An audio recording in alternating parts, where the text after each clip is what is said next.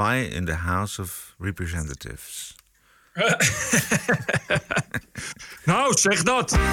This is the TPO podcast. Trump geeft op. A new administration will be inaugurated on January 20th. My focus now turns to ensuring a smooth, orderly, and seamless transition of power. Trump geeft niet op. We will never give up. We will never concede. It doesn't happen. En GroenLinks-stemmers schrikken van GroenLinks. Als je hier wind, windturbines bouwt op 300, 400 meter, want dat zijn de plannen zoals het er nu uitziet, dan gaat iedereen dat heel erg horen. Aflevering 216. Ranting and Reason. Bert Bresson, Roderick Phalo. This is the award-winning TPO podcast. Een zeer goede morgen, vrijdagochtend 8 januari. Bert, nog 12. Goedemorgen. Good morning, Vietnam. Good morning, Vietnam. And a war zone it was. Zo. Uh, nog- Dat liep even uit de hand. That escalated very quickly. Very quickly. Uh, gaat er uitgebreid over hebben. Nog 12 dagen, uh, president Trump. Ja. Kan dat, uh, zijn dat gewoon, moeten dat gewoon 12 dagen zijn? Of kan het wat jou betreft niet te snel genoeg? Nou, ik, ik, ik hoor, ik zag gisteren dat het uh, Nancy Pelosi... die wil uh, nu alsnog Trump impeachen... of de 25th Amendment om Trump uit de macht te zetten. Ja. En dan denk ik, ja... Ik, die 12 dagen maakt dan ook niet meer uit. Nee. Dus nu, nu, nu, ja, er is nu niks. Dus weet je, dit was het laatste, de laatste poging die hij had. De uitslag tegenhouden. Ja. Dit was het. Heel veel meer ellende zal ons waarschijnlijk bespaard blijven die twaalf dagen. Dit is wat president Trump vannacht zei. The demonstrators who infiltrated the Capitol have defiled the seat of American democracy. To those who engaged in the acts of violence and destruction, you do not represent our country. And to those who broke the law, you will pay. We have just been through an intense election and emotions are high. But now tempers must be cooled and calm restored. A new administration will be inaugurated on January 20th. My focus now turns to ensuring a smooth, orderly, and seamless transition of power. This moment calls for healing and reconciliation. To the citizens of our country, serving as your president has been the honor of my lifetime. And to all of my wonderful supporters, I know you are disappointed, but I also want you to know that our incredible journey is only just beginning. Thank you, God bless you, and God bless America. Ja. Als hij van de teleprompter, als hij van de autocue leest, dan denk ik altijd dat is voor hem geschreven. Dat moet hij op, uh, oplezen. Uh, maar vooral dat laatste, denk ik, dat is dan wel weer authentiek. Dat laatste wel, ja. Ja. Uh, hij is wel, ja, uiteindelijk is dit dan toch nog wel weer netjes. Ja. Ja. Beetje laat, niet? Beetje laat. Laten we even teruggaan naar woensdag, hoe het begon, de toespraak van Trump. Hundreds of thousands of American patriots are committed to the honesty of our elections and the integrity of our glorious republic. All of us here today do not want to see our election victory stolen by emboldened radical left Democrats, which is what they're doing, and stolen by the fake news media. That's what they've done and what they're doing. We will never give up. We will never concede. It doesn't happen. You don't concede when there's theft involved. Ja, Trump stuurt de demonstranten naar Capitol Hill, het Amerikaanse congres. So let's walk down Pennsylvania Avenue. I want to thank you all. God bless you and God bless America. De vraag is hoeveel schuld heeft Trump aan uh, hoe ongelooflijk het uit de hand liep op Capitol Hill. Ja, hij zegt alleen maar let's walk down uh, Pennsylvania Avenue. Dat is wat hij, wat hij letterlijk zegt. Maar die crowd die daar staat, die uit heel Amerika kwam... die heeft, dat zijn meest fanatieke aanhangers... die heeft hij enorm opgezweept. Ja, feitelijk, had... feitelijk zegt hij inderdaad wel, we, gaan demonstreren. En dat, en dat is prima natuurlijk ook. Als, je de, als het bij een demonstratie was gebleven... was er verder niks aan de hand geweest. Maar uh, in mijn gedachten heeft hij de boel wel zo opgezweept... en heeft hij de frustratie wel zo hoog op laten lopen dat dit op zijn konto geschreven kan worden. Ja, nou, hij, heeft, hij had natuurlijk kunnen zeggen: uh, geen geweld. Hij had natuurlijk kunnen zeggen: ja. uh, ga daarheen, maar hou het uh, volgens democratische waarden. Gebruik je vrijheid om te protesteren. Maar laat de mensen met rust. Exact. Eh, eh, weet je, dus, dus bedoel, eh, ja, ik vind het moeilijk. Ik vind het altijd, altijd, altijd ver gaan om, om als het de hand loopt te zeggen van ja, maar je hebt de boel opgezweept. Als je dat niet letterlijk hebt gezegd, dan krijg je weer wat is, wat is eigenlijk haatzaaien? Wat is oproepen tot geweld? Waar ligt die grens dan? Maar in dit geval, je bent de president. En hij heeft natuurlijk ook wekenlang niets anders gedaan dan die democratie in twijfel trekken. Dan roepen dat, dat, dat de verkiezingen gestolen zijn, eh, dat, dat het allemaal gefraudeerd is, eh, ja, dat, ze, dat ze echt letterlijk zijn verkiezing willen stelen. Eh, en, en nu die, die hele crowd. En je, als je zo'n crowd voor je hebt, moet je toch inderdaad een beetje nadenken van wat, wat ga ik zeggen, wat ga ik doen. Dus ik, het is opvallend dat hij inderdaad niet zegt van uh, houd een beetje netjes. Hij, hij zegt, uh, op, en de manier waarop hij het zegt en de energie die er op dat moment heerst, als je dan zegt van nou laten we daarheen gaan met z'n allen.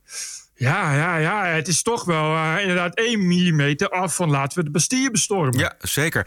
Hij, hij, roept ook van we hebben sterke en zwakke republikeinen en we gaan zorgen dat die zwakke republikeinen Precies. dat die toch meegaan in het afkeuren van de uitslag van de verkiezingen. Hij heeft ook, ook gedreigd, hè, inderdaad. Van nou, iedereen die, die niet voor me is, is tegen mij. En jullie zullen het allemaal wel merken. En weet ik wat, dus ja. En hij weet ook uh, dat, het, dat dat volk dat hij daarheen stuurt, dat dat voor een gedeelte bestaat uit, uit extremistische wappies. Ja. Dus het zijn, niet, het zijn geen. Hij weet dat dat ook niet de gemiddelde American Joe is. Dus hij weet nee. natuurlijk ook wel wie daarheen gaat. Ja, precies. Eigenlijk was dat het moment dat hij zich realiseerde, of in ieder geval dat ik zag, dat hij eigenlijk helemaal alleen is. Hij had Pence van zich afgegooid. Hij had uh, iedereen uh, uh, de wacht aangezegd en de duimschroeven aangedraaid.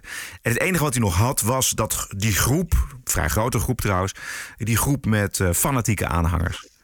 Terwijl Juist. in het Amerikaanse congres uh, een aantal republikeinen wel bezwaar wilden maken tegen de verkiezingsuitslag. Volgens mij waren het eerst twaalf en uiteindelijk zes.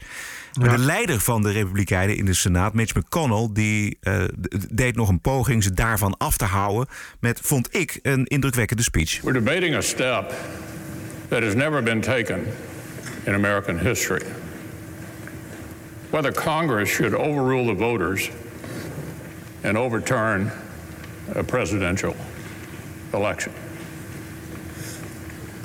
I've served 36 years in the Senate. This will be the most important vote I've ever cast. President Trump claims the election was stolen. The assertions range from specific local allegations to constitutional arguments to sweeping conspiracy theories. I supported the president's right to use the legal system of lawsuits, received hearings in courtrooms all across our country. But over and over, the courts rejected these claims, including all star judges whom the president himself has nominated. Every election, we know, features some illegality and irregularity, and of course, that's unacceptable. But, my colleagues, nothing before us proves illegality anywhere near the massive scale that would have tipped the entire election. The Constitution gives us here in Congress a limited role. We cannot simply declare ourselves a national board of elections on steroids. The voters courts and the states have all spoken. If we overrule them, it would damage our republic forever. Dit is inderdaad uh, de redelijkheid zelf en precies wat hij zegt. Hij heeft altijd, vier jaar lang heeft hij Trump gesteund. En dat heeft hij ook gedaan vanuit uh, het idee natuurlijk dat Trump de gekozen president is. En dat is ook voor een deel zijn, zijn taak en zijn beroep. Maar hier op dit soort momenten zie je hoe die Amerikaanse grondwet in de haarvaten van deze mensen zitten. En dat ze uiteindelijk daarvoor kiezen en niet voor een president. Dat het uiteindelijk gaat om de rule of law en om de grondwet. En dat zag je ook aan Mike Pence. Pence die ja. op een gegeven moment gewoon afscheid neemt van Trump. En zegt: mijn, mijn taak en mijn loyaliteit ligt bij de Amerikaanse grondwet. En bij niemand Precies, anders. Terecht. Terecht. Volkomen terecht. En ik vind, Mitch McConnell zegt het ook, van ja, ik, het is niks mis als je alle, alle legale manieren wilt gebruiken om tegen die verkiezingen in te gaan. Ja, dat is prima. Heb ik- Dat, dat, heeft, hij, dat heeft hij dan ook gesteund. Eh, maar ja, verloren is verloren. Ja. Als, het, als het uitgeput is, als, als al die rechters. En dat vind ik, en dat heb ik ook tegen al die mensen die blijven volhouden dat er gefraudeerd is. Als je dat zegt, ja, dan zeg je gewoon dat al die rechters ook corrupt zijn. Precies. En het zijn de rechters, wat Mitchell McConnell dus zegt... het zijn die rechters die Trump notabene zelf heeft aangesteld. Die Kavanaugh, Ja. die, weet je, al die mensen... Hij heeft er drie aan kunnen stellen de afgelopen vier jaar. En die hebben allemaal gezegd, onder deze omstandigheden... dit is de uitslag en er is geen reden om aan te nemen... dat er op grote schaal significant oneerlijke zaken hebben plaatsgevonden. En dit is de uitslag, punt. Dan moet je toch op een gegeven moment moet toch een lampje gaan branden. En zeggen: Misschien heb ik inderdaad wel te weinig bewijs. Ja. Ehm, nog eventjes die Mitch McConnell, want ik vond het een hele, zoals gezegd, een indrukwekkende toespraak. En hij wijst ook op de stand van het land eigenlijk, de loopgraven, de tribes. We cannot keep drifting apart into two separate tribes with a separate set of facts and separate realities. With nothing in common except our hostility towards each other and mistrust for the few national institutions that we all still share. En dit is natuurlijk de onderliggende, de onderliggende oorlog die er plaatsvindt op social media, op straat. Yep. Ehm, ook in het, in het congres, laten we niet vergeten hoe, hoe strijdbaar, om het maar zo te zeggen, die twee partijen elkaar in de haren gevlogen zijn. Onder andere bij de benoeming van, eh van Kavanaugh als rechter. Ja. Het onderliggende sentiment, en dat is natuurlijk nog lang niet voorbij. Het is nou niet, niet bepaald dat, het, dat de natie nu geheeld is, zal ik maar zeggen. Nee. Ja, je, je kan bijna de burgeroorlog ruiken. En ik denk, ja, dat is, dat, daar kun je nog steeds voor vrezen. Dat, dat dat niet gebeurt is gewoon puur te danken aan het feit dat er niet... Ja, dat Pentagon is er gelukkig ver weg van. Eh, en we hebben nu gelukkig Trump die nu weer zegt van, eh, van eh, eh, geen geweld. En ik treed terug en ik geef mijn nederlaag toe. Maar ja, het is allemaal wel een randje, randje, moet ik zeggen. Ja. En nederlaag toegeven nog niet helemaal. Hè. Hij zegt. eh, Nee, hij zegt nou, het is, het is, het is dat het niet anders is dat ik niet anders kan. Ja, dat is het, ja. Ehm, nadat Mitch McConnell eh, was uitgesproken en nog een aantal anderen... toen kwamen de demonstranten dus. En ze kwamen binnen. En er wordt nu geroepen van... ja, daar zaten ook antifa's tussen, et cetera, et cetera. Nou, dat zal misschien Ah, best... zal- ah, maar het waren echt diehard Trump-supporters... Precies. die uit waren op revolutie. What's your What's your name? Where are you My from? name is Elizabeth. I'm from Knoxville, Tennessee. And why did you want to go in? We're storming the Capitol. It's a revolution. Maar zo waren er nog tien. Ik bedoel, die gast die op die stoel ging zitten... eh, in zijn rare kostuum... was eh shamaan bij Q- QAnon. Ja. Dus, dus dat is eh, het, het toppunt van ultra-rechts wappie. En ik weet dat de beveiligingscamera's en de politie had drie bekende extreemrechtse militieleden al herkend. Dus dit is wel weer meteen complotje drie van... oh, dit is allemaal de Antifa. Ja, laten we even, even luisteren naar die shamaan. As a shaman, I am like a multidimensional or hyperdimensional being, okay? I am able to perceive multiple different frequencies of light beyond my five senses. And it allows me to see into these other higher dimensions that these entities, these pedophiles, these rapists, these murderers, these really high up people, that they almost like hide in the shadows in. Nobody can see that because their third eye ain't open. Ja, Ja. goed verhaal. Lekker kort ook. Het is, eh, het is mooi dat je dit verhaal de komende twintig jaar aan Bubba kunt vertellen... waarmee je samen op een cel zit. Daar zullen ze eh, in de gevangenis erg blij mee zijn. Dan zullen ze vast gek zijn op QAnon-shamanen. Dus hou dat vooral zo vol. Maar het geeft wel aan, en dat vind ik het allerergste... Dat, dit geeft dus aan hoe erg het is geworden de afgelopen tijd. Want laten we wel wezen, nog niet zo heel lang geleden had nog niemand van QAnon gehoord. Nee. En nu ineens is het een QAnon-shamaan die op de stoel van Mike Pence kon gaan zitten. Ja, onvoorstelbaar. Dus we- we- weet je, dat vind ik wel. Het is wel echt het hart van de democratie. Die is bestormd mede door, door echt hele enge complotwappies. Door mensen die echt knetter, knetter, knetter gek zijn. Die het dus voor elkaar hebben gekregen om het kapitool binnen te dringen. Maar Bert, het is toch ook treurig dat een Amerikaanse president die dit natuurlijk weet, dat dit allemaal speelt, dat hij daar niet tegen ingaat. Dat hij dat niet van tevoren weet van jongens, eh, demonstreren prima, maar eh, laat ik ze niet nog meer gif toedienen. Trump heeft er helemaal niets tegen gedaan. Hij heeft er alleen maar gevoed.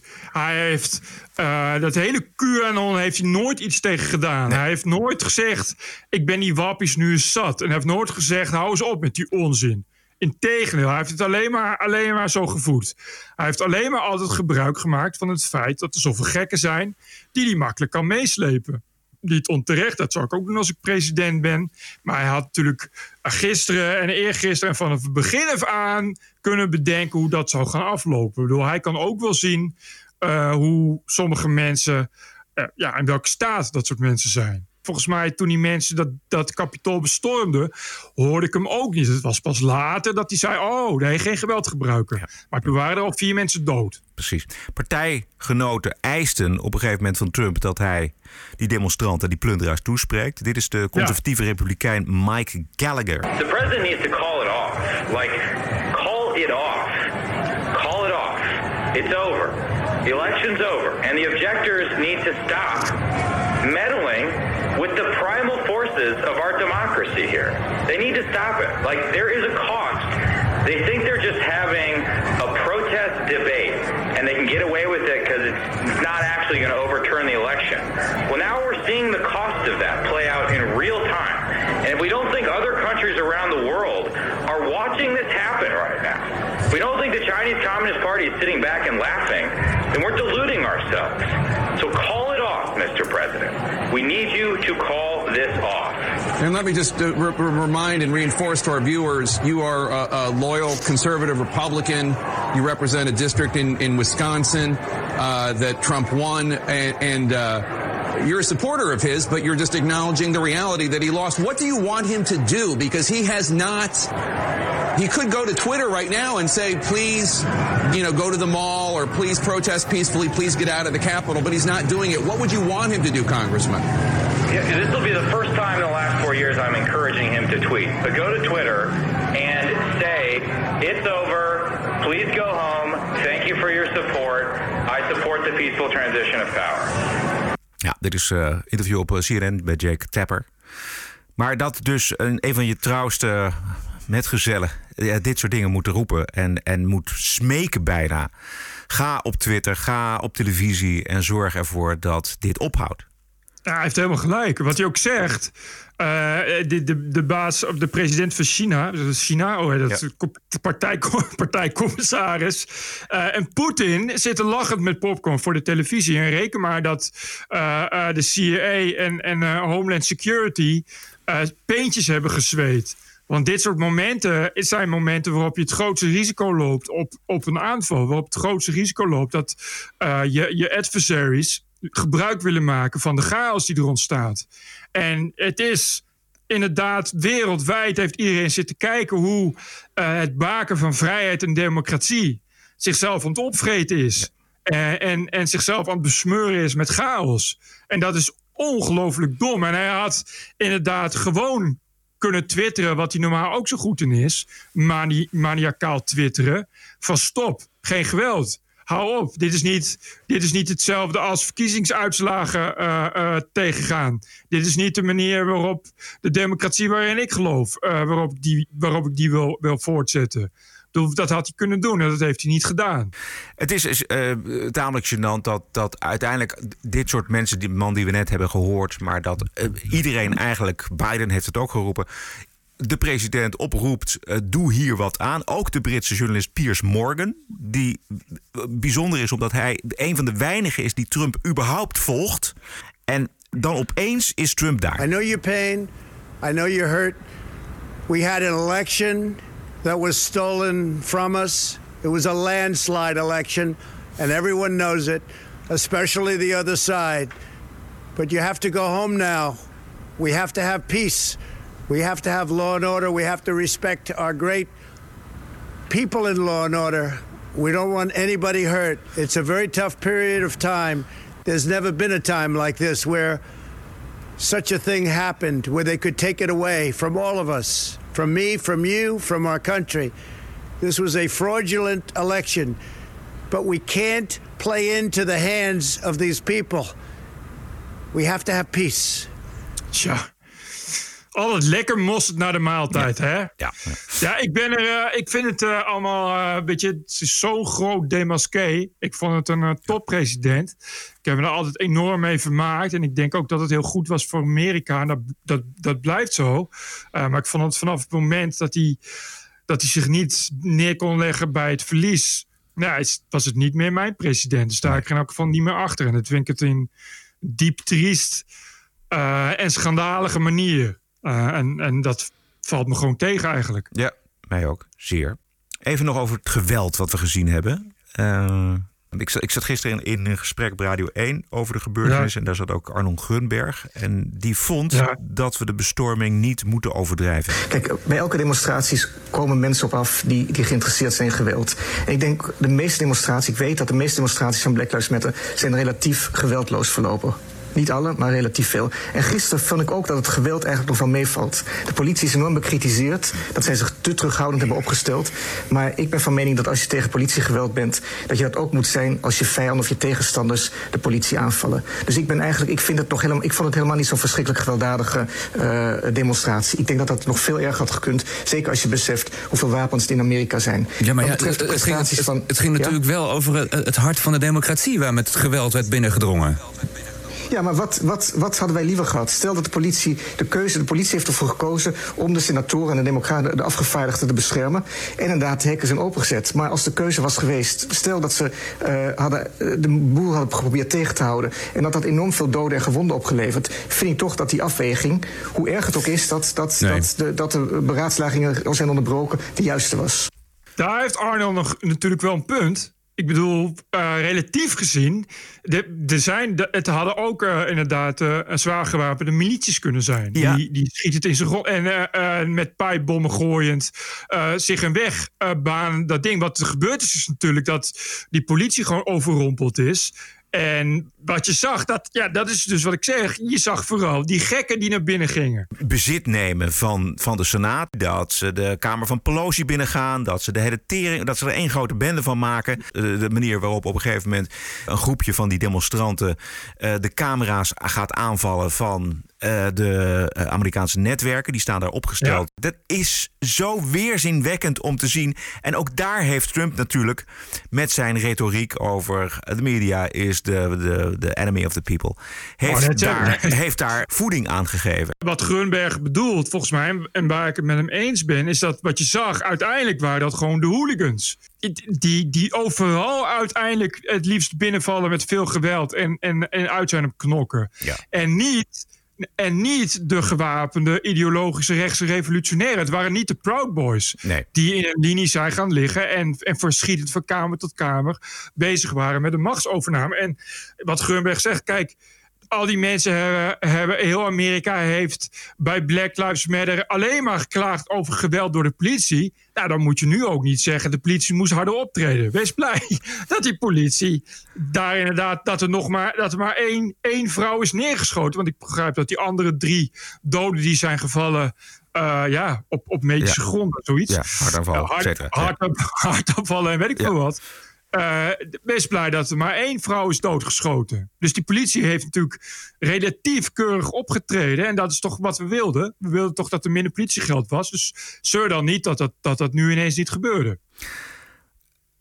Maar wie zegt dat protesten niet gewelddadig mogen zijn? Nou, Chris Como van CNN zegt dat bijvoorbeeld. Now, too many see the protest as the problem.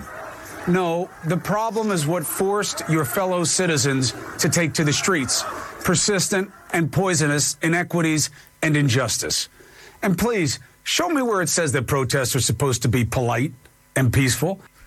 Dit gold voor de demonstratie van Black Lives Matter en Antifa. Ja, precies. Dat hebben we altijd geroepen. Daar, gaan, uh, daar gingen de hele gebouwen de fik in. En mensen die in elkaar werden geslagen en zelfs werden doodgeschoten. En enorme schade, dag in, dag uit. En wat, dan, hoor je, oh, dan hoor je de media zeggen... ja, maar het is toch vreedzame protesten. Dat is toch een recht. recht. En vooral, en dat, dat was kwalijk... Hè, dat dan, wat je net ook hoort, dat mensen zeggen van... ja, maar ja, dit is nou eenmaal wat je krijgt. Je moet ook niet anders verwachten. Dit is wat je krijgt als je mensen de hele tijd zo boos maakt. Maar goed, ik zag gisteren ook weer mensen zeggen... die het al goed praten, die zeggen... ja, maar ja, dit is nou eenmaal wat je krijgt... als je mensen al die tijd marginaliseert. Ik denk, ja, flikker op. Weet je, je moet gewoon met je poten van het kapitool afblijven. Je bent gewoon een agressieve gek. En als je dat goed praat, ben je daar goed net zo medeschuldig aan. Dan begrijp je gewoon de hele, de, hele, de hele optie van... de hele concept van democratie niet. Maar hé, hey, dat hebben we dus de vorige keer ook gehoord. Dus dat is een beetje lafjes nu, hè? Om daar nu over te gaan zeuren. Dit, als, je dat, als het bij Black Lives Matter mag... hoezo mag het dan bij Trump Lives Matter niet? Ik denk, als we het hebben over Trump... dat het probleem zijn karakter is op de dag van de verkiezingen heeft hij lang gedacht, gezien dat waar hij altijd vanuit is gegaan, namelijk dat hij de staten nodig had, uh, Pennsylvania en Georgia onder meer, en dat hij die ook zou winnen. Dat is ook uh, in het eerste gedeelte van die dagen gebeurd. De exit polls gaven dat ook aan. Toen kwamen de, de poststemmen, mensen die uit angst voor COVID thuis zijn gebleven en per post zijn gestemd. Dat waren veel democraten. En toen draaide het beeld heel erg en bleek dat Biden er met de winst vandoor is gegaan. CNN's Jim Acosta, jazeker, daar is hij. En zijn contacten bij de GOP, de Republikeinse partij. I talked to a source, a GOP source close to the president, who speaks with him regularly, and I, I take no pleasure in reporting this, uh, but this source tells me that he believes the president is out of his mind. Uh, the quote used by this uh, source uh, is he is out of his mind, and the source said the president is so traumatized by his loss in the election. It is all he can talk about. It is all he can think about. Dat is altijd een klein beetje verdacht uit zijn mond. Maar je hoeft geen Jim Acosta te zijn. Of je hoeft hem ook niet te geloven. om te zien dat Trump een slechte verliezer is. En dat, dat, dit, um, nou, dit, dat dit feitelijk natuurlijk gebeurd is. Ik denk dat, dat zijn ego ja. en zijn, zijn narcisme gewoon uh, heeft gedacht: ik win die verkiezingen, ik pak die verkiezingen. Daarin werd hij bevestigd. En daarna ging het mis. En dat, dat, dat heeft hij niet kunnen processen. En daar is alle ellende verder uit voortgekomen. En dat is natuurlijk drama van zijn karakter. Ja, nou ja, hetzelfde zie je bij Thierry Baudet natuurlijk. Ja. Het is exact hetzelfde verhaal. Ja. Dat is ook, die, die is ook de laatste dagen uh, uh, zakt die steeds verder weg in, in een soort hol van complottheorieën. Uh, hij twitterde laatst dat hij. hij was iemand die dan, die dan had, had zogenaamd uh, dat schreef dat in een of andere weblog. Dat uh, de CIA samen met MI6 had um, via een defensiesatelliet van Italië de verkiezingen in de VS gehackt. En uh, ja, ja, en dat was allemaal betaald door, door Obama. In cash, letterlijk pallets met dollars had Obama. 400 miljoen had Obama had dat gefinancierd ja, dat is natuurlijk het knettergekke complottheorie. En uh, Thierry Baudet uh, dook daar uh, dieper in. Dus en, je, en je ziet dat. Dat is, dat is precies wat, wat ook bij mensen met zo'n met zo'n persoonlijkheid past. Ja, op het moment dat ze vragen en twijfel toelaten, dan dondert hun hele huis in elkaar. En dan, dan is het ook afgelopen met, met die mensen, met die persoonlijkheden. Ik zeg dus, dus, dus er zit voor die mensen niets anders ja. op om, om de waarheid verder volledig buiten te sluiten. Omdat ja, de enige redding is dat soort complottheorieën. Want die heb je dan zelf in de hand. Bovendien ben je de enige die dat ziet. Dus je kunt dat zelf helemaal controleren. Het is, het is, letterlijk het weven van alleen nog maar het weven van je eigen universum, waarin je jezelf natuurlijk eeuwig in het middelpunt kunt zetten. Ja. En dat gaat vroeg of laat gaat dat natuurlijk mis. We zien het, de analogie met Baudet is heel goed hoor. Want we zien het uh, dat hij al zijn, zijn goede mensen tot en met de Hiddenmeister aan toe uh, op een gegeven moment toch afscheid nemen en zeggen: ja, dit, dit, ik trek dit niet meer. En uiteindelijk blijven ze over, zowel Trump als Baudet, met een heel klein clubje gelovigen. Ja, en daar moet je dan de oorlog mee winnen. Dat gaat niet lukken. Ja. Kijk, dat is het probleem. De volgelingen die zijn uiteindelijk net zo. Dat zijn allemaal mensen die uh, niet en nooit kunnen zeggen: ja, ik heb ongelijk het, blijkt niet waar te zijn. Dat, dat, dat lukt niet. Dus, dus ja, dat zie je nu met COVID. Daarom is uh, uh, sinds COVID die complottheorieën zo enorm gestegen. Je, echt geëxplodeerd. Ja, waarom? Dat zie je gebeuren. Je ziet dat die mensen die die werkelijkheid, die gruwelijke werkelijkheid, die kunnen ze gewoon niet aan. Dat, op het moment dat ze het moeten accepteren, moeten ze accepteren uh, dat ze daar zelf slachtoffer van kunnen worden. Dat het inderdaad zo snel gaat als dat het gaat. Dat ze de meest gruwelijke scenario's denkbaar zijn. Dat lukt gewoon niet. Dus het enige wat ze doen is die werkelijkheid buitensluiten. Zeggen, nee, nou dat, dat is allemaal een complot. En het is niet gevaarlijk. Het is allemaal complot van de farmaceutische industrie, bladibladibla. Ja, waarom? Omdat ze die werkelijkheid gewoon niet aankunnen. Laten we even hebben over de toekomst van die Republikeinse Partij. Want de vraag is natuurlijk van hoeveel macht heeft Trump nog binnen die partij? En wat wordt zijn nalatenschap? En krijgt hij nog de kans om over vier jaar uh, het nog een keer te proberen? Um, ik zag een, een gesprek op CNN met een kerstverse afgevaardigde Nancy Mace, heet ze. Zij is Republikeinse. En ook zij legt de verantwoordelijkheid bij Trump. When you speak like that, when you incite this kind of violence, rhetoric has real consequences. Um, I, I, someone threatened to shoot me recently on social media. I was accosted on the street of D, on a street of DC on Tuesday night. Um, here, it's wrong. It puts people's lives at risk. So, was it six or seven U.S. senators, more than 100 members of the House, still voted to overturn well, the election after the attempted insurrection here. What's your message to those people? I'm disappointed right now. Um, I think that after last night, and I'm on my 100th hour of, of being a member of Congress, I'm working on about two hours of sleep. I, am distraught. We've got to rebuild our nation, and we've got to rebuild our party. This is this is not who we are. Um, it's extremely distressing, and uh, it's saddening. It's heartbreaking. You were supportive of President Trump during your campaign. I mean, you're a Republican. What does this do, do you think, yeah. to his legacy? Um, everything that he's worked for, and I'm a fiscal conservative. I appreciated the, the lower tax rates that we had, the economic growth. Operation Warp Speed during the pandemic. All of these were great for our country, but all of that, his entire legacy was wiped out yesterday. And we've got to start over. We don't have the, the, ground that we need to, to push forward and do the things that we need to do to be successful and work for and be the voice for hardworking Americans that believed in this message uh, we cannot condone the violence. I, my colleagues need to continue to condone it. We need to have leadership right now, more than ever in this country. Dat is dus het punt. Dat alles wat hij heeft bereikt is in één klap weggevaagd. Ja. En voor de Republikeinen staat het er nu voorlopig bijzonder slecht voor. Want die worden nu allemaal gekoppeld aan Trump. En dat is natuurlijk verschrikkelijk. Ja, er zijn er wel veel Republikeinen die nu uh, afstand nemen. Uh, genoeg is de vraag. Um, er, ja. zijn, er hebben 74 ja. miljoen Amerikanen gestemd op, op deze man. Dat zijn niet allemaal de mensen die we gezien hebben op de trappen van het Capitool en in de, in de Absoluut gebouwen. Niet. Die verdienen ook beter. Die, die, die zullen ook teleurgesteld zijn in zijn gedrag van woensdag. Mijn vermoeden is dat hij gevallen is van een voetstuk, uh, demasqué, dat hij geen kans meer maakt over vier jaar. Uh, bovendien, uh, straks als hij opstapt, dan gaat hij een hoop rechtszaken tegemoet. Of een, ook, een hoop aanklachten. Dus, dus, dus hij kan sowieso nog zwaar beschadigd worden. Ja. ik, ik betwijfel het of hij dan over vier jaar nog, nog enige kans heeft. En het is inderdaad ook nog maar de vraag hoeveel republikeinen hij dan nog voor zich kan winnen.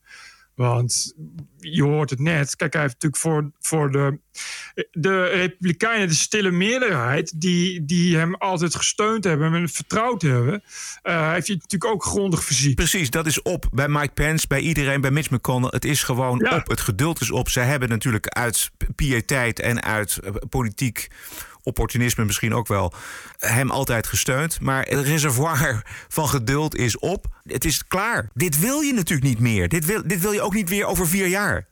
Nee, exact. En er is natuurlijk een. een bedoel, Amerika bestaat ook buitengewone mensen, zal ik maar zeggen. Ja. Dus de meerderheid is, natuurlijk, is natuurlijk gewoon. zijn redelijke mensen die, die het niet voor zich zien nog een keer. Nee. Die inderdaad. En bovendien, ik denk dat. Uh, uh, kijk, je weet niet wat er gebeurt onder Biden. Maar ongetwijfeld is Biden een stuk minder polariserend. En ik denk dat uh, in elk geval voor een groot gedeelte van de Amerikanen die rust wel gaat bevallen. Ongeacht of ze op Biden of Trump hebben, hebben gestemd. Ja. Dus het is toch nog maar de vraag of Trump over vier jaar uh, het opnieuw weer de, de geest uit de fles krijgt en die mensen zover meekrijgt. Precies. Maar de Republikeinse Partij staat nu wel op een kruispunt. Ze moeten dus ja, of, of ze blijven dat Trumpisme uh, trouw, of ze hebben daar geloof in, of ze schrijven hem af en ze gaan de, de, oude weg van de oude Republikeinse Partij, de conservatieve thema's die die partij altijd belangrijk hebben gevonden. Nou, een goede dag voor Trumpisme was het in elk geval niet. This is the TPO podcast. We gaan het hebben over het klimaat en windmolens in Amsterdam. Sommige zaken Oh, zie je yes. van mijlen ver aankomen. De Amsterdammers die bij de laatste gemeenteraadsverkiezingen GroenLinks, de grootste partij van de hoofdstad, hebben gemaakt. Die worden nu geconfronteerd met het beleid van hun zo geliefde GroenLinks. Namelijk 17 windmolens met een hoogte van 200 meter de molen. Voor de deur. Maar kijk, dit is dus een gebied waar vogels broeden. Daar zo in dat dijkje bij het ei. Het is een gebied waar eh, duizenden vogels neerstrijken omdat het een trekvogelroute is. En het is een overwinteringsroute. Dus die vogels die blijven hier ook. Naast de mogelijke gevolgen voor de biodiversiteit maken bewoners zich ook zorgen om hun eigen gezondheid. Als je hier wind, windturbines bouwt op 300, 400 meter, want dat zijn de plannen zoals het er nu uitziet, dan gaat iedereen dat heel erg horen. En over water draagt het geluid veel verder. Ik maak me vooral veel eh, zorgen over het geluid en de, en de lage bromtonen die eruit voortkomen. En ja, als je dan hoort dat de mensen daar hartkwalen en hartaanvallen van krijgen, ja, dan word ik toch wel een beetje zenuwachtig. En dus voeren de eiburgers actie. Meer dan 6000 bewoners hebben inmiddels een petitie ondertekend. Het gaat dag en nacht door. Ook s'nachts gaat het harder waaien dan overdag. Dus uh, ja, mensen kunnen er niet van slapen, worden er gewoon uh, hartstikke gek van. Ik ben heel erg voor de energietransitie en ik vind dat we dat in Amsterdam uh, ook hard op moeten inzetten. met zonnepanelen, met isoleren. Maar ik vraag me af of je binnen de bebouwde kom van Amsterdam van dit soort hoge windturbines wil zetten. Allemaal hele gezellige progressieve mensen die twee jaar geleden nog gezellig progressief GroenLinks hebben gestemd. Ik vind echt, ik vind, dit is zo genieten. Zo genieten. Ik vind dit, uh, deze klacht over windmolens hoor je namelijk al jaren. Er zijn mensen die, die een windmolen voor hun deur krijgen en die daar helemaal ziek van worden. En er kapot aan gaan.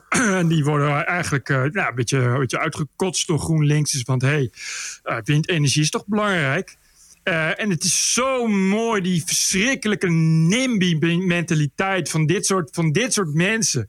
Die ineens, als ze er zelf mee geconfronteerd worden, het eerste wat ze doen is zeggen dat ze dat niet willen. Ik vind echt dat je bij deze mensen, bij dit verhaal, moet je echt gaan turven. Heb je GroenLinks gestemd? Dan heb je geen recht van spreken. Dan gaan we echt ook een molen gewoon voor je deur bouwen. En dan ga je niet klagen. Nee, precies. Elke keer als je klaagt, ja. gaan we nog een molen voor je deur bouwen. Ik vind echt, dat meen ik serieus. Ik vind echt, als je in Amsterdam GroenLinks hebt gestemd. En je gaat hier nu klagen, dan ben je gewoon schizofreen. Ik vind echt dat je die mensen, die moet je gewoon ook, ja, sorry. En ze op. kunnen niet zeggen dat ze het niet geweten hebben. Dit is wethouder van GroenLinks, Marieke van Doorning. Wind is een hele duurzame energie. Uh, we gaan zeker de stad niet volplempen, want uh, het kan maar op een heel weinig aantal plaatsen. Nou, die plaatsen gaan we wel onderzoeken. En ik denk dat Amsterdammers op een gegeven moment ook wel wennen aan een stad die bekend is om zijn molens, weer nieuwe molens krijgt, maar dan net iets anders. En waar ook elke Amsterdammer van mee kan profiteren in de vorm van windcoöperaties. Ja, precies. Het is dit soort retoriek waar al die stemmers voor GroenLinks zijn ingetuimeld. We hebben het nu over Amsterdam, maar iedereen komt aan de beurt. Want we hebben een klimaatwet. En de overheid, de landelijke overheid, wil over 10 jaar 35 terawattuur duurzame energie opwekken. Dus over 10 jaar. Ja. Voor 1 terawattuur heb je 70 grote windturbines nodig. Dus ja. die, komen, die komen ergens. Of je hebt 2500 voetbalvelden zonnepanelen nodig. Ja, die komen ook ergens. Precies, dat is voor 1 terawattuur. En als je er 35, dus maal 35 is dit. En dan moet ja. het ook nog waaien en dan moet ook de zon nog schijnen. Nou ja, ik weet het heel goed gemaakt. We brengen in kaart waar GroenLinks-stemmers wonen. En daar gaan we die dingen. Ja, ik, ik, vind, ik heb ook echt geen enkel mede met deze mensen die ik hoor. Ik weet natuurlijk niet of ze, of ze GroenLinks hebben gestemd. Of, of D66 of of PvdA, wat zit er allemaal in het college? Maar ik heb daar echt geen medelijden mee. Echt nul. Precies, het medelijden, daar zijn we al lang voorbij. Maar het gaat natuurlijk op het fascinerende moment dat die mensen eh, opeens zich realiseren waar ze, waar ze voor gestemd hebben. Want het is heel fijn en je krijgt een ongelooflijk lekker zelfbeeld en een goed gevoel als je voor mooie idealen gaat stemmen. Dat hebben ze gedaan in Amsterdam. GroenLinks, de grootste partij. Ja, als we de idealen in de praktijk gaan brengen, dan krijg je dus windmolens voor je deur. Ja, en dat moeten ze overal doen. Ik vind, ja, ik snap gewoon niet, als dit de vraag is, waar halen we de ruimte vandaan? Dan zou ik inderdaad kijken, wat zijn de dure buurten? Waar eh, wonen de meeste GroenLinks-stemmers en, eh, en, eh, en D66-types? Of überhaupt mensen die zo begaan zijn met, met het milieu en met duurzaamheid? Daar gaan we ze bouwen. Ja, maar wacht even. Dat, dat, dat, dat betekent dan, Bert, want hier ga ik protest tegen aantekenen, dat bij mij om de hoek ook zo'n wind- windmolen van 200 meter in de Amstel komt te staan. Daar heb ik geen zin in. In de Amstel. En ik, en ik heb geen GroenLinks gestemd. Terecht. Dat al die mensen dan in, in de zomer op een witte wijn sloepen. Dat ze er gewoon niet meer langs kunnen. Omdat er een fucking windmolen staat. Maar ik vind dat niet alleen. Ik bedoel, ik ben, eh, ik ben dolblij met dit soort dingen. Dus niet alleen windmolens. Ik vind dat asielzoekerscentra moeten ook in dat soort buurten worden gebouwd. Gevangenissen, TBS-klinieken, noem het allemaal maar op. Dat is, tot nu toe is dat altijd wordt het afgewenteld op de plekken waar die mensen zelf niet wonen. Dus ik vind het goed dat die mensen eindelijk eens een keertje geconfronteerd worden met de realiteit. Dat vind ik heel goed. Vind ik heel netjes ook van dit gemeentebestuur dat ze daarover hebben nagedacht. Dat ze dachten, wacht. De goudkust van Eiburg, daar wonen onze mensen. Daar willen ze vast wel windmolens. Vind ik wel een heel goed idee is dat gebleken. Heel slim, heel slim. En niet alleen windmolens, ook zonnepanelen. Wij zeggen geen dak, dak onbenut in, eh, in Amsterdam. En dat betekent, daar gaan we heel erg veel vandaan halen. We gaan ondernemers helpen. Maar uiteindelijk zou het ook mooi zijn als we die eigenaren van de grote daken ook kunnen verplichten om daar eh, zonnepanelen op te leggen. Want het is zonde als je zo'n potentieel hebt wat je niet gebruikt. Juist, verplicht. Mooi, mooi, mooi, mooi. Mooi, Ja, mooi op de rieten daken en je, en je Italiaanse sierbakstenen en eh, dakpannen. Komt zo'n foei lelijk zonnepaneel. En dan verplicht dat er ook echt een zonnepaneelpolitie komt. Die komt kijken of je wel al je vierkante metertjes netjes hebt gebruikt voor eh, zonnepaneelcellen.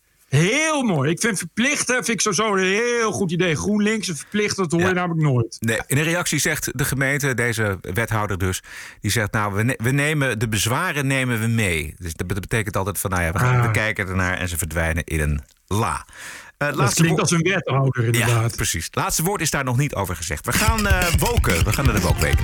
I was offended and I have rights. TPO Podcast. You're an adult. Grow up.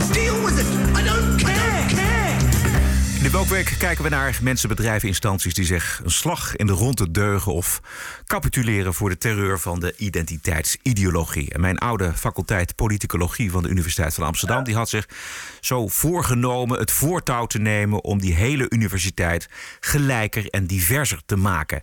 Huidskleuren tellen dus. Deze week bericht het Universiteitsblad Folia hoe het ermee staat. En dat is niet zo best. En hoe komt dat? Nou, dat komt omdat die universiteit sinds de jaren 60 helemaal is volgepropt met werkgroepen en overlegraden. En dat vecht elkaar allemaal de tent uit. En toevallig komt dat bij dit onderwerp goed uit, moet ik zeggen. De twee vragen waar het om draait zijn.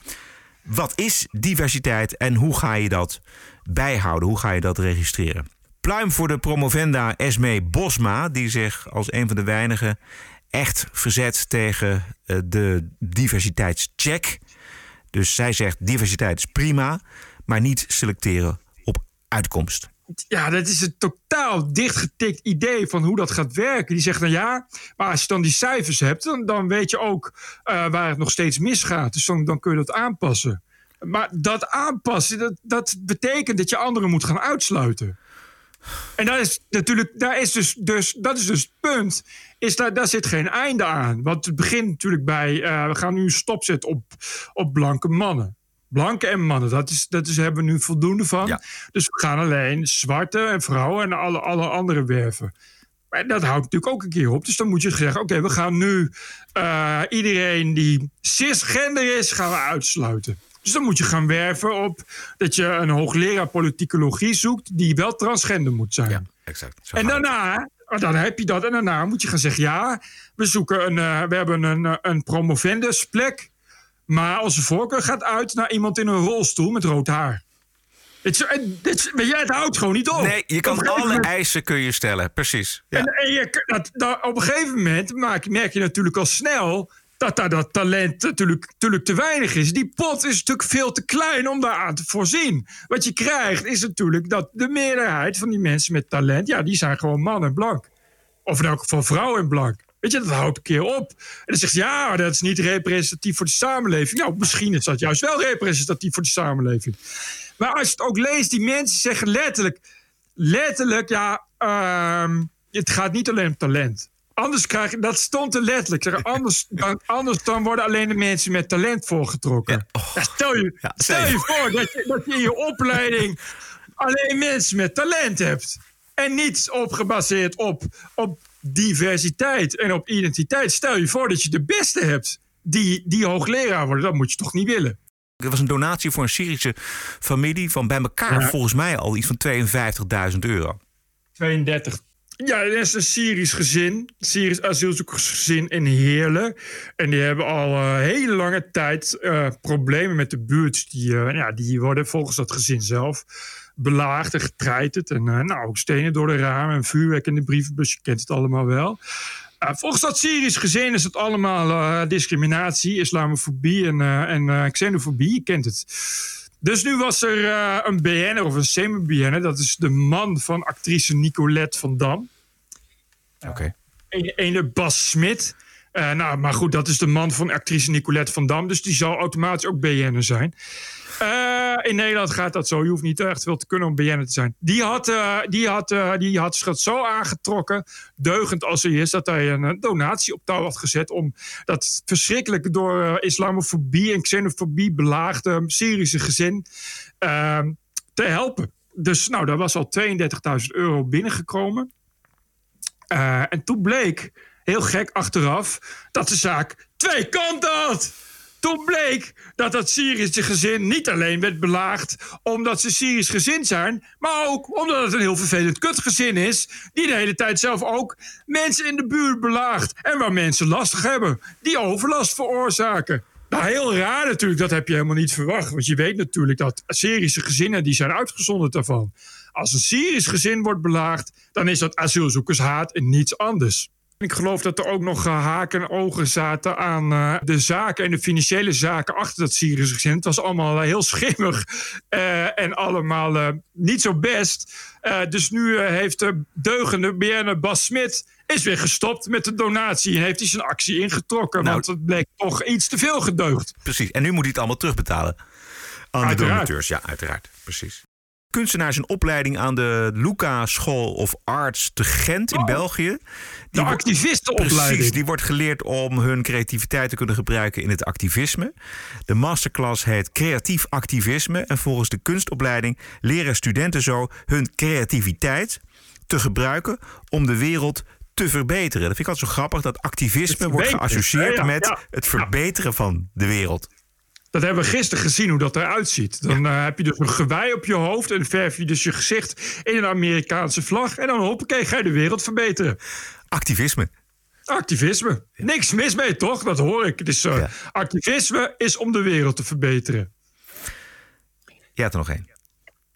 Uh, ja, dit is uh, een blad dat heet Linda Meiden. Dat is een, meiden, een, meisjesversie van het blad Linda, je kent het wel.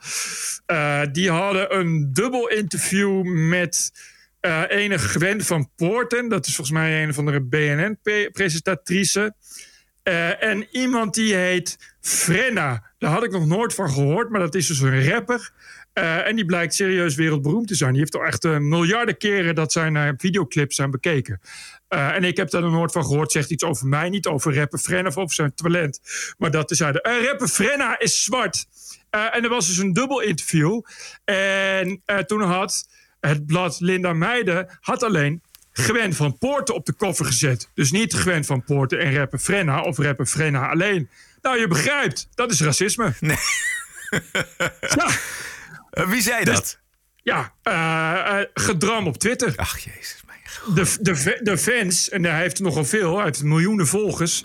Uh, hij had geklaagd, Frenna zelf had erover geklaagd op Instagram. Dus uh, ja, zijn miljoenen fans die uh, togen allemaal online drammend naar, naar Linda Meijden om te zeggen dat het racisme is. En hoe werd erop gereageerd? Ja, die, eigenlijk is het wel leuk. Want dat Linda Meijden heeft natuurlijk, ging natuurlijk meteen bukken. En heeft een uitgebreide verklaring oh op Instagram gezegd. Uh, uh, het is niet zo dat ze hebben gezegd: sorry, sorry, sorry, we, willen, we zijn geen racist. Maar ze hebben wel moeten verklaren. Ja, kijk, ze schrijven, de hoofdredacteur zegt: we, we, willen graag reageren, graag wat nuance ombrengen, inbrengen. Het is onduidelijkheid ontstaan. We hebben alleen voor Grant van Poorten gekozen omdat het ging ervaringsdeskundig, want het interview ging op over van social media afgaan. En die Grant van Poort is kennelijk van social media afgegaan. Uh, dus, dus ja, we hebben alleen maar gekozen voor Gwen omdat dat nou eenmaal logischer was. En we hebben ook andere dubbel interviews. Dat was ook niet, uh, ook niet die twee, die twee samen. Er is ook gecommuniceerd aan het management van Frenna. Maar blijkbaar heeft hij dat niet doorgekregen. En er is een misverstand ontstaan, et cetera, et cetera. Maar wij nemen alle kritiek en gevoelens over dit onderwerp serieus. En we zullen in de toekomst nog strakker sturen op representatie en inclusiviteit op onze koffers. We begrijpen goed dat dit een bredere discussie is waarover gesproken moet worden en zullen het in de toekomst ook blijven doen. Kortom, in de toekomst als Linda Meijden een interview heeft met een blanke en een zwarte, dan zorgen ze er wel voor dat niet alleen de blanke op de cover komt. Als het allemaal vanuit een idee gaat dat je wil deugen of dat je wilt, moet toegeven, denkt te moeten toegeven aan de Twitter-mop, eh, dan uh, noemen we dat capituleren. Dit was het wat mij betreft, Bert. Dit was het ook wat mij betreft. Goed zo. TPO Podcast is te vinden op iTunes en Spotify, Soundcloud en natuurlijk ook tpo.nl. Zeer veel dank voor de ondersteuning van deze aflevering 216. Post kan naar info.tpo.nl. Waarderen kan op tpo.nl slash podcast. En wij zijn terug dinsdag 12 januari. Stay cool en tot dinsdag. Stay cool en tot dinsdag. TPO Podcast. Bert Bruson, Roderick Balo. Ranting and Reason. We cannot keep drifting apart. into two separate tribes with a separate set of facts and separate reality. Podcasting is the TPO podcast in the Netherlands. Bert and Roderick. What a show. I'm telling you. Dit is de TPO-podcast. Een eigenzinnige kijk op het nieuws en de nieuwsmedia. Elke dinsdag en elke vrijdag. Twee keer per week. Het hele jaar door. Zonder reclame en zonder een cent subsidie. 100% onafhankelijk. The award-winning TPO-podcast. Wat is het jou waard? Kies een euro per aflevering, 104 euro per jaar... of kies zelf een bedrag. De TPO-podcast. Wat is het je waard? Doe mee en doneer op tpo.nl slash podcast.